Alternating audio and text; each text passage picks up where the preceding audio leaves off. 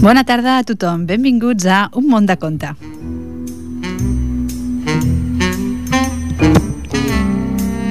Com cada dimecres, el programa que fem jo mateixa, la Mar Viera, i el control tècnic, en Jordi Puy.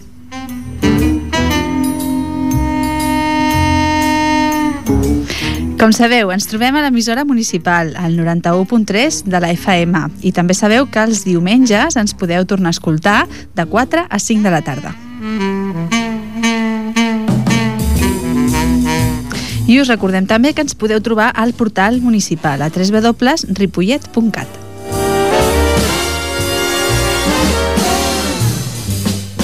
Avui portem quatre històries d'un llibre que es titula 16 contes divertits i un parell de seriosos escrit per Joan de Déu Prats.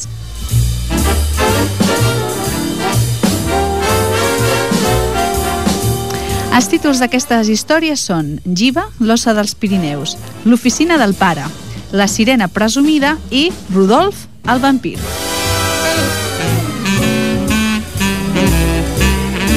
I avui, a la part musical, un grup d'actualitat, els Fangòria.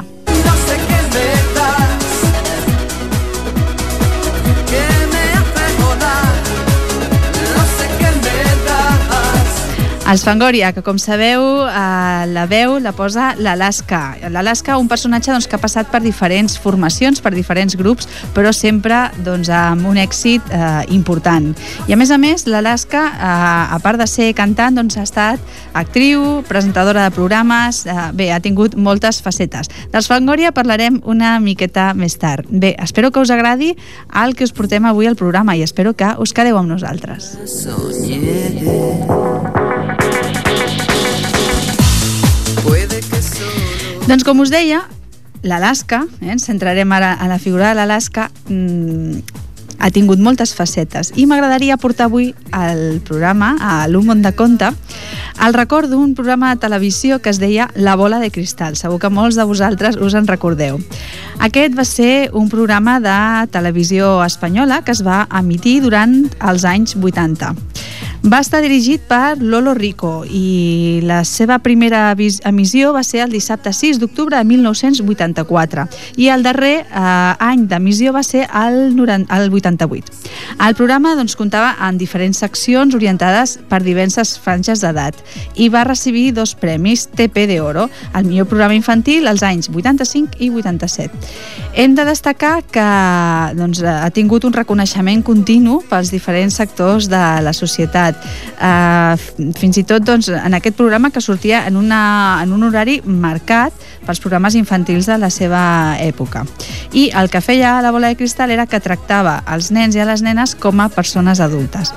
El programa estava dividit en quatre seccions diferents. Eh? Cada una estava dirigida a un públic diferent, com deien, i eh, totes les seccions estaven salpicades de minivídeos de, amb, amb un tall humorístic o convidat a pensar doncs que, a, a, que hi havia altres coses a part de veure la televisió.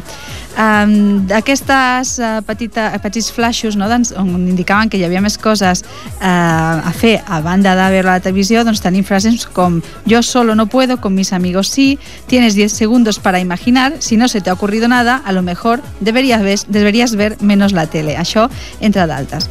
La primera secció del programa era la de Los Electroduendes, que era pels més petits eh, i que doncs, protagonitzaven els electroduendes, que eren la bruja veria, la bruja truca, la de vídeo, el maese càmera i el maese sonoro.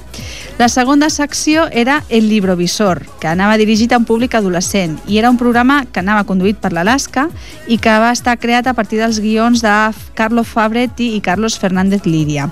La tercera secció del programa era la banda magnètica i aquesta secció doncs, funcionava com a contenidor per emitir un capítol d'una sèrie infantil. Ara mateix estem sentint la sintonia de La bola de cristal, eh, que era, doncs, és aquest programa del que estem par parlant. Dintre de la tercera secció, doncs, aquest, de la banda magnètica, es va estrenar l'emissió de sèries de curtometratges, no? com per exemple La Pandilla, que tractava de les aventures i desventures d'Spanky, d'Alfalfa i la seva pandilla d'amics en un barri típic dels Estats Units dels anys 30. Més tard, aquesta sèrie doncs, es va substituir per la sèrie Los Monsters i també en aquesta secció es va reposar la tercera i la quarta temporada de l'exitosa sèrie Embrujada, Bewitched. I moltes vegades els capítols doncs, eren introduïts per la mateixa Alaska. I la quarta secció del programa, mm, que es deia la quarta parte, era, eh, bueno, com diu el seu nom, nom, era simplement la darrera part i sembla que se li va que es va preferir deixar com a programa part perquè podia pensar-se que no era apropiat pel públic infantil. Aquesta secció va ser afegida a la segona temporada del programa i eh, bueno, ja que la primera temporada doncs, només tenia les tres seccions anterior, anteriors, eh? la banda magnètica, el librovisor i los electroduendes. Aquesta secció començava amb l'entrevista del patio, durant la qual la pròpia directora del programa, la Lolo Rico, feia entrevistes a, per a personatges actuals d'aquella època. Per la bola de cristal han passat molts grups, eh, els Radio Futura, els Toreros Muertos, eh, el, mm, moltíssims, eh, la mateixa Alaska amb, amb les seves bandes, eh, l'último de la fila, bueno, molts que estaven en els 80 doncs, eh, amb, de molta actualitat, La Frontera, entre d'altres. I també doncs, han sortit eh, personatges molt coneguts com poden ser el Pedro Reyes o el Javier Gurruchaga. La veritat és que era un programa fantàstic, els dissabtes al matí ens tenia tots allà davant de, de la televisió i avui el volíem recordar. La bola de cristal. Es como un ordenador personal, es la bola de cristal. Te sientas enfrente y es como el cine, todo lo controlas una luz. Es como un ordenador personal, es la bola de cristal. Doncs bé, començarem amb les històries que teníem preparades per avui. Ho farem amb aquesta primera història, amb Giva, l'ossa dels Pirineus. Eh, Com us he dit, és un llibre que eh, està escrit per Joan de Déu Prats i que es titula 16 contes divertits i un parell de seriosos. És de l'editorial Edicions del Pirata i el podeu trobar a la Biblioteca de Ripollet. Diu així. Giva, l'ossa dels Pirineus, obre els ulls i es desperta.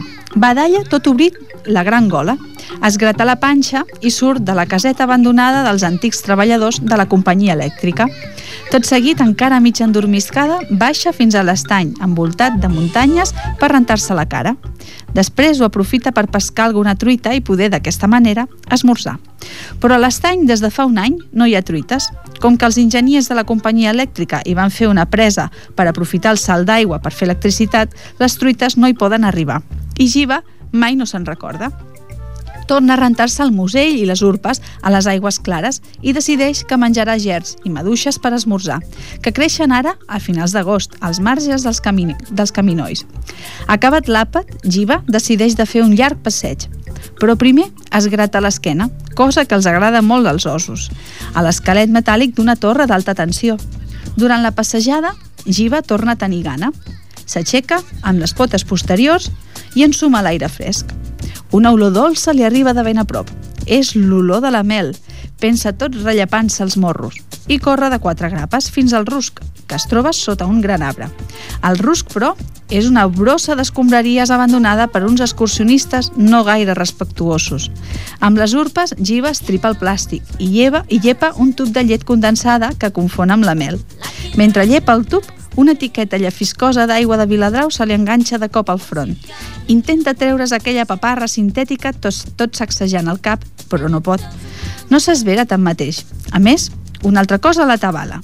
Tot aquell exercici li ha obert la gana una altra vegada i escolta dolguda un rau-rau dins l'estómac, de manera que decideix tornar a ensumar a l'aire fresc de les muntanyes i a buscar alguna altra manduca.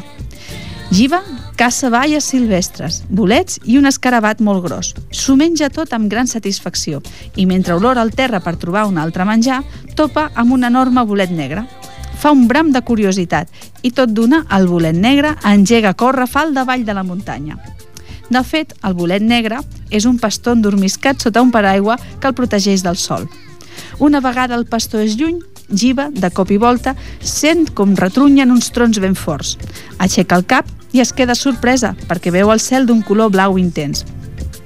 Es grata encuriosida una templa del front amb l'urpa. Els trons secs i forts continuen i finalment Jiva s'adona que no procedeixen del cel, sinó de les escopetes d'uns caçadors que persegueixen uns cabirols.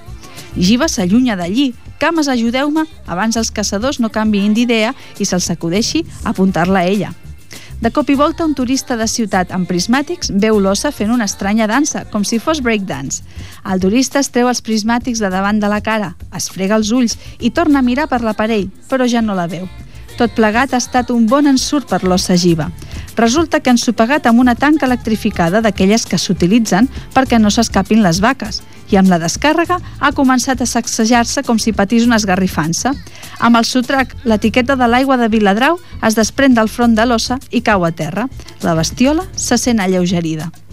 Giva torna a tenir ganes de, de gratar-se i ho fa ara en una roca molt grossa de color blau que troba en un camí.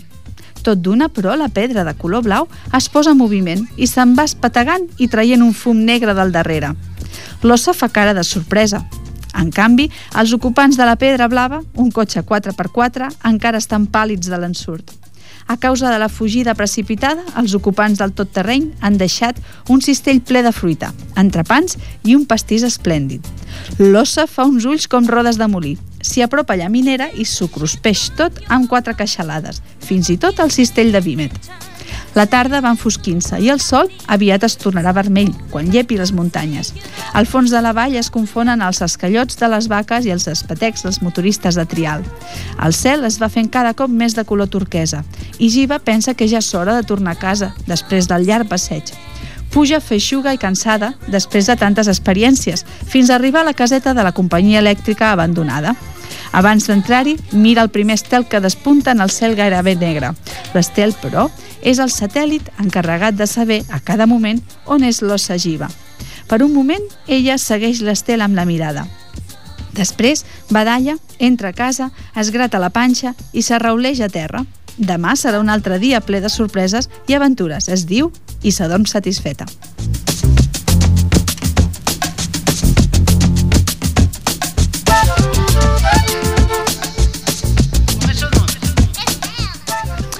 Doncs els Fangoria no només estan formats per l'Alaska, sinó que també eh, és una part important el Nacho Canut.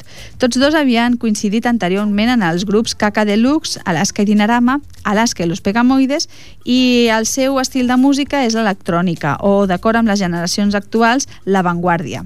Són pioners d'aquest estil de música a principis dels 80 i han comptat amb cançons eh, com més de la meitat de la seva carrera com el No sé què me das, Retorciendo Palabras, coses, miro la vida passar, criticar por criticar. Doncs bé, aquesta primera que escoltaré és eh, efectivament el No sé què me das.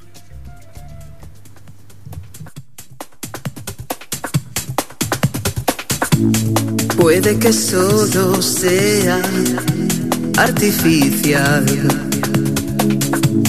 Puede que a mi manera me sirva para olvidar Prometí que nunca volvería a caer, pero esta vez no lo quiero evitar.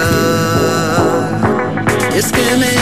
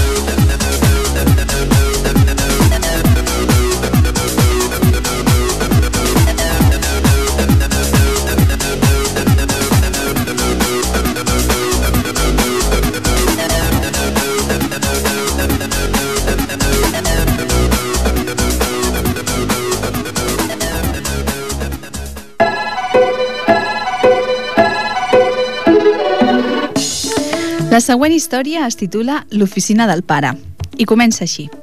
Era juliol, tenia vacances de col·legi i un divendres al matí que el pare es va deixar l'esmorzar, li vaig portar a la feina. Com que mai no havia estat en una oficina, tenia molta curiositat per saber què hi feien allí dins.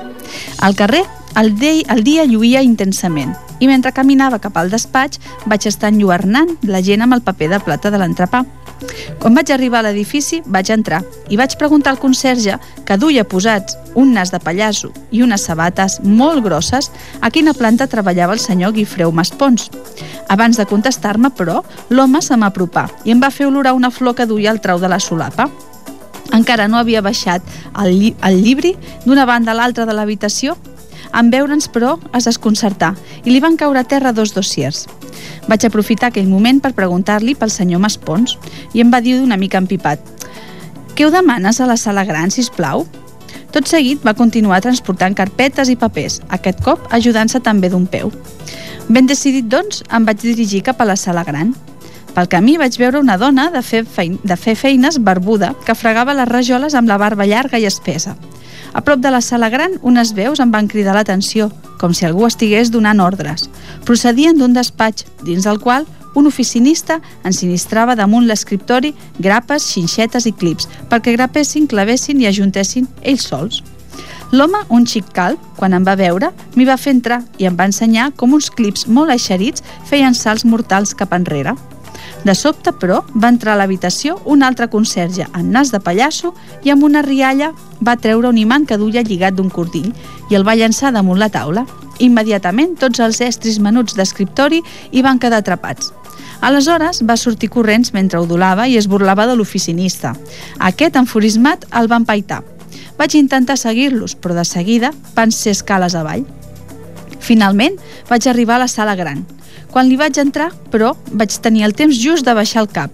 Resulta que un home amb una capa i unes mitges blaves va entrar volant per la finestra i va caure en una xarxa darrere meu. Llavors l'home, l'home bala que es deia, es va aixecar, es va expulsar la roba i va lliurar el, va lliurar el correu. Mentrestant, l'altra gent del gran despatx continuava treballant frenèticament. A cada taula hi havia un oficinista, amb l'esquena repenjada en un divan, i tots feien girar amb els peus màquines d'escriure, ordinadors i faxos.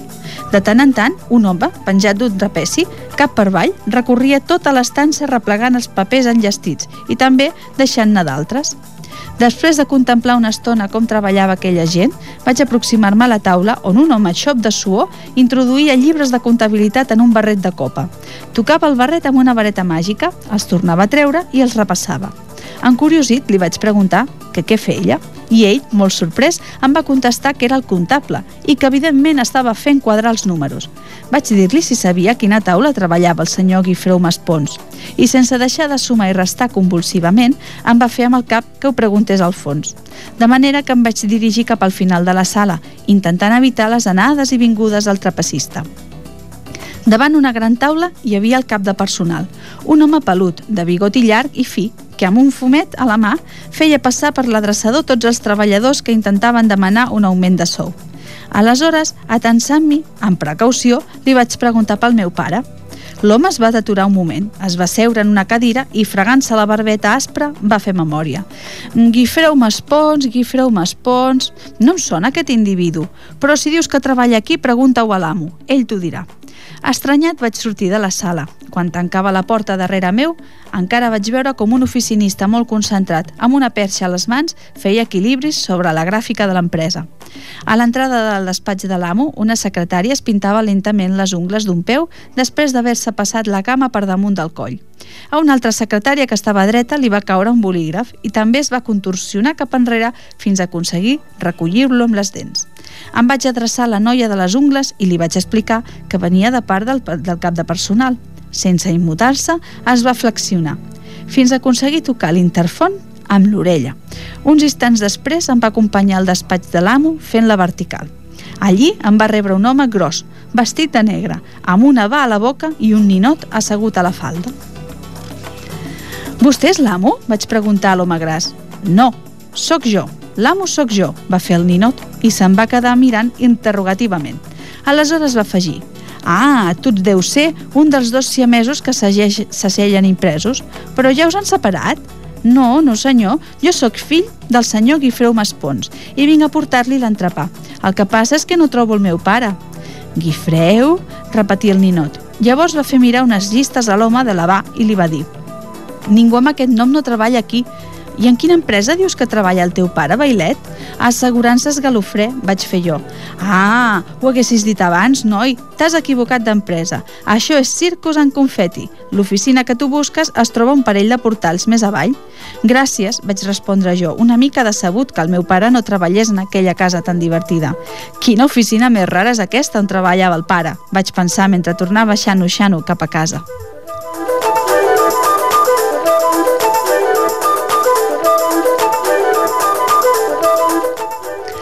El següent tema dels Fangoria, que també forma part de l'àlbum Naturaleza Muerta, es titula Un astronauta solo flotando. Espero que us agradi.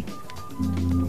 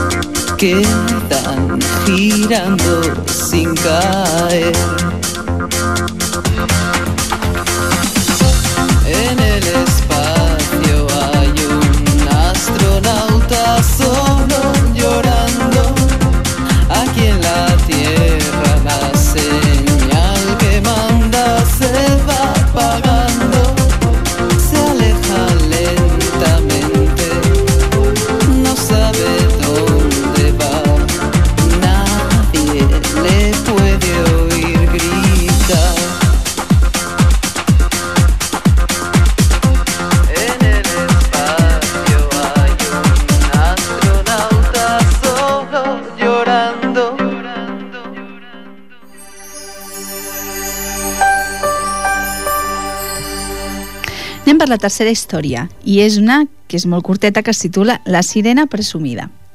La sirena era presumida, li agradava emprovar-se barrets de meduses, arracades d'estrelles de mar i pulseres de coral. I es passejava pel fons del mar i tots els peixos l'admiraven. Aquest vestit d'algues em queda ben bonic, llàstima que no tingui un enamorat, pobre o ric. Un dia, però, un pescador de perles va venir a capbussar-se en aquelles aigües. Era jove i moreno, de cabells molt negres i uns ulls ben brillants. La sirena el va veure nedar, àgil com una sageta llançada dins el mar, i immediatament se'n va enamorar. Que ben plantat i formós, m'agradaria tenir-lo per espòs. Des d'aquell moment, cada cop que el pescador es capbussava, la sirena, d'amagat, l'observava amb el cor bategant-li ben fort. La sirena, tanmateix, no s'atrevia a dir-li res perquè tenia por que no li agradés la seva cua de peix. Però una vegada, mentre la sirena es rentava ben distreta amb una esponja, el pescador es topà amb ella. De l'ensurt, ella va fugir nedant i s'amagà dins una cova. El pescador es va quedar ben quiet i, tot seguit, es va fregar els ulls. Després, tornà a la superfície bracejant ràpidament.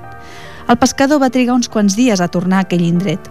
Quan finalment ho va fer, el cor de la sirena va bategar-li una altra vegada ben fort, però no s'atrevia a deixar-se veure. Una tarda d'estiu, mentre els rajos de sol feien pampallugues sobre les aigües, la sirena va veure una mola de peix que avançava com un torpede. Per què tantes corredisses? Regalen llonganisses? va exclamar-se. Però abans no pogués veure què passava, va ser atrapada dins d'una xarxa i envoltada de peixos de totes les mides va acabar en un vaixell de pesca. Quan els pescadors van veure aquell peix insòlit, es van gratar el cap i quan van arribar a terra van decidir de vendre la sirena a un aquari.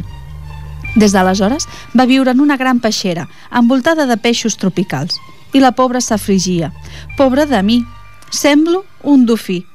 Vet aquí, però, en una ocasió, va visitar l'aquari el pescador de perles i quan va veure la sirena dins la peixera es va fregar els ulls brillants, va tornar a mirar-la i va sentir que n'estava profundament enamorat. El pescador va esperar que es fes fosc, va tornar a l'aquari i es va esmunyir dins per una finestra mig oberta. Sense fer cap soroll, va anar fins a la gran peixera i la va rescatar. A pes de braços, per un carrer poc il·luminat, el pescador la va portar fins a la platja. I tots dos van estar-se tota la nit nedant sota la llum de la lluna. Es capbussaven, reien, cantaven, i va ser llavors quan el pescador de cop i volta va saber per què havia estat tots aquells anys pescant perles. Per fer-te un magnífic collar, estimada sirena.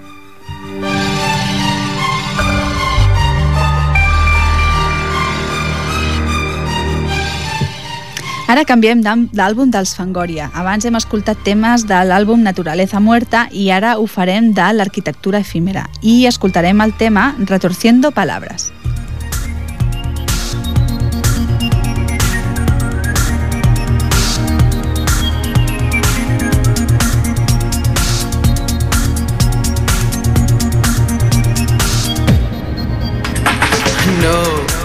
No, pretendas tener la razón.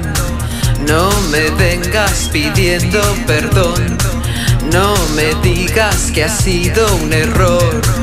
Que lo sientes, en fin. ¿De qué sirve un futuro ideal?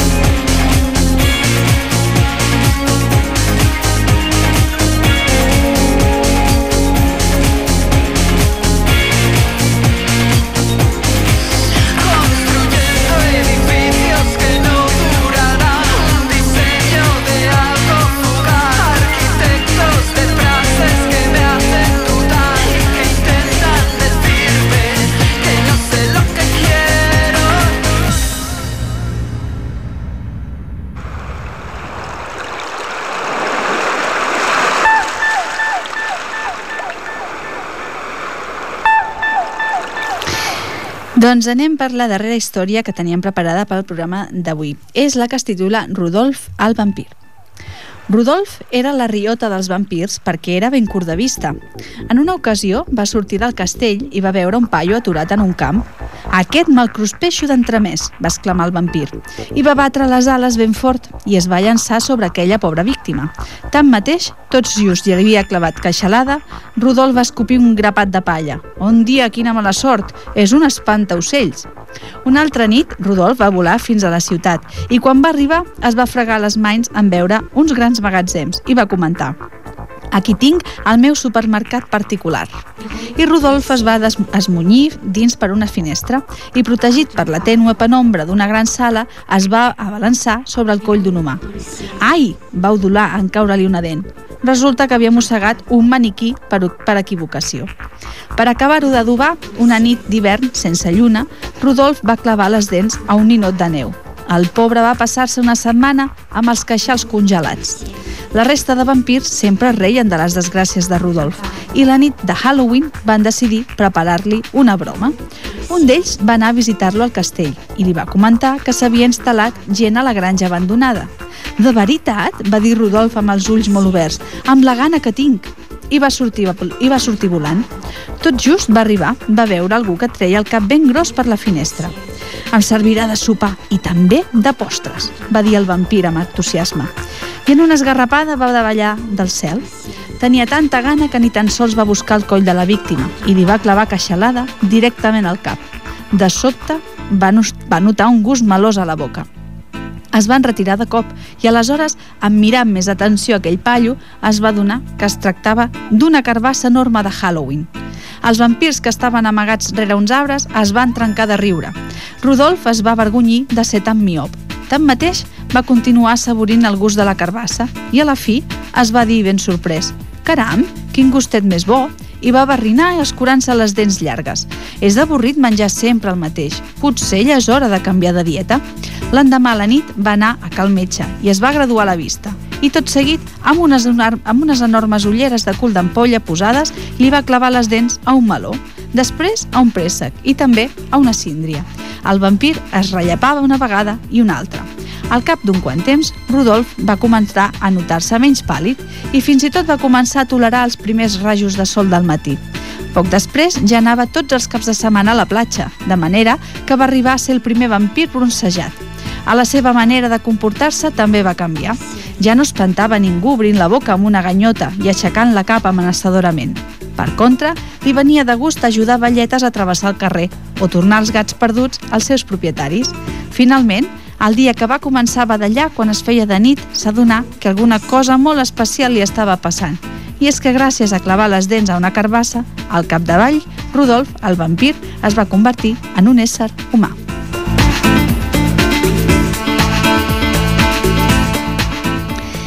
Continuem amb l'àlbum Arquitectura efímera i ho farem amb el tema El arte de decir que no.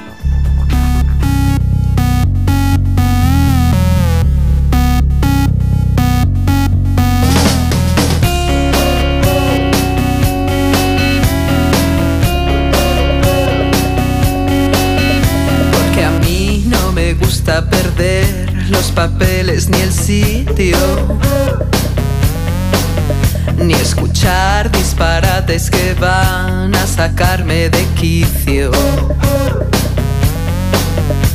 Mentiras, traiciones, promesas vacías, miserias, tensiones y mil tonterías. ¿Por qué me voy a conformar si no lo necesito? Arte de decir que no de forma natural. La ciencia del perfecto adiós, tajante y sin dudar, sin sentirme mal.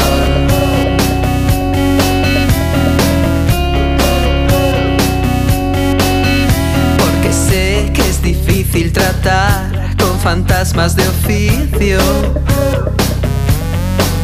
Negociar puede ser al final un maldito ejercicio. Y afrontar lo que aún esté por llegar, aunque me haga llorar. Lo que me impide ser quien yo quisiera ser sin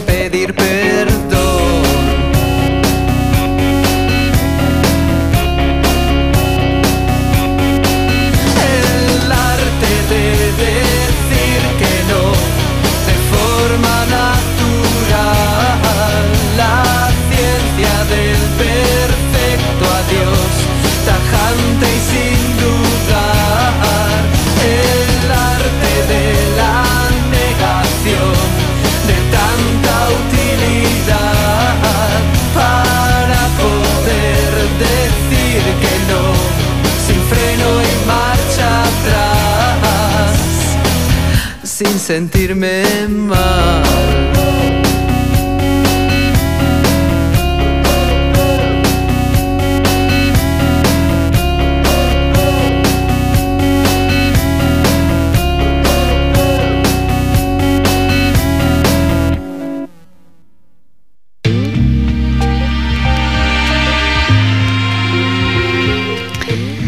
Doncs eh, després d'escoltar aquestes dues cançons eh, d'arquitectura efímera, jo us volia comentar que si potser hi ha un àlbum doncs, de l'Alaska que a mi m'hagi cridat més la- l'atenció, doncs va ser un, un àlbum que va sortir l'any 1984 eh, i que es titulava Deseo Carnal. D'aquest àlbum doncs, eh, són famoses cançons com A quien le importa, Como pudiste hacerme esto a mí... Bueno, eh, cançons que de nou ha reprès Fangoria i que els ha donat doncs, un to més actual. Però crec que són cançons doncs, que ens acompanyaran doncs, durant molt de temps i que sempre restaran en el nostre record. Doncs bé, hem arribat al final de l'Un món de conte. Espero que us hagin agradat les històries, aquests contes divertits i un parell de seriosos del Joan de Déu Prats. Uh, espero que la propera setmana ens torneu a escoltar. Gràcies, Jordi, pel teu ajut en el tema del control tècnic i us deixarem amb un darrer tema dels Fangoria, com no podia ser menys. Ho farem amb el tema Entre mil dudes, potser un dels més uh, coneguts dels Fangoria, eh? ja amb el nom de Fangoria. I per aquells doncs, que no ho sapigueu, a part d'actriu, cantant, etc, l'Alaska ha estat protagonista d'un reality. Sí, home, sí, d'un reality que feia amb el seu marit, amb el Mario Vaquerizo, a la MTV, i que es deia Alaska i Mario. I que si no l'heu vist, jo us recomano que entreu a la web de l'MTV i que mireu els, els programes que estan allà penjats perquè són molt divertits. Són una parella doncs, molt curiosa i molt divertida. Doncs us deixem amb el tema Entre mil dudes. Una abraçada i que sigueu feliços.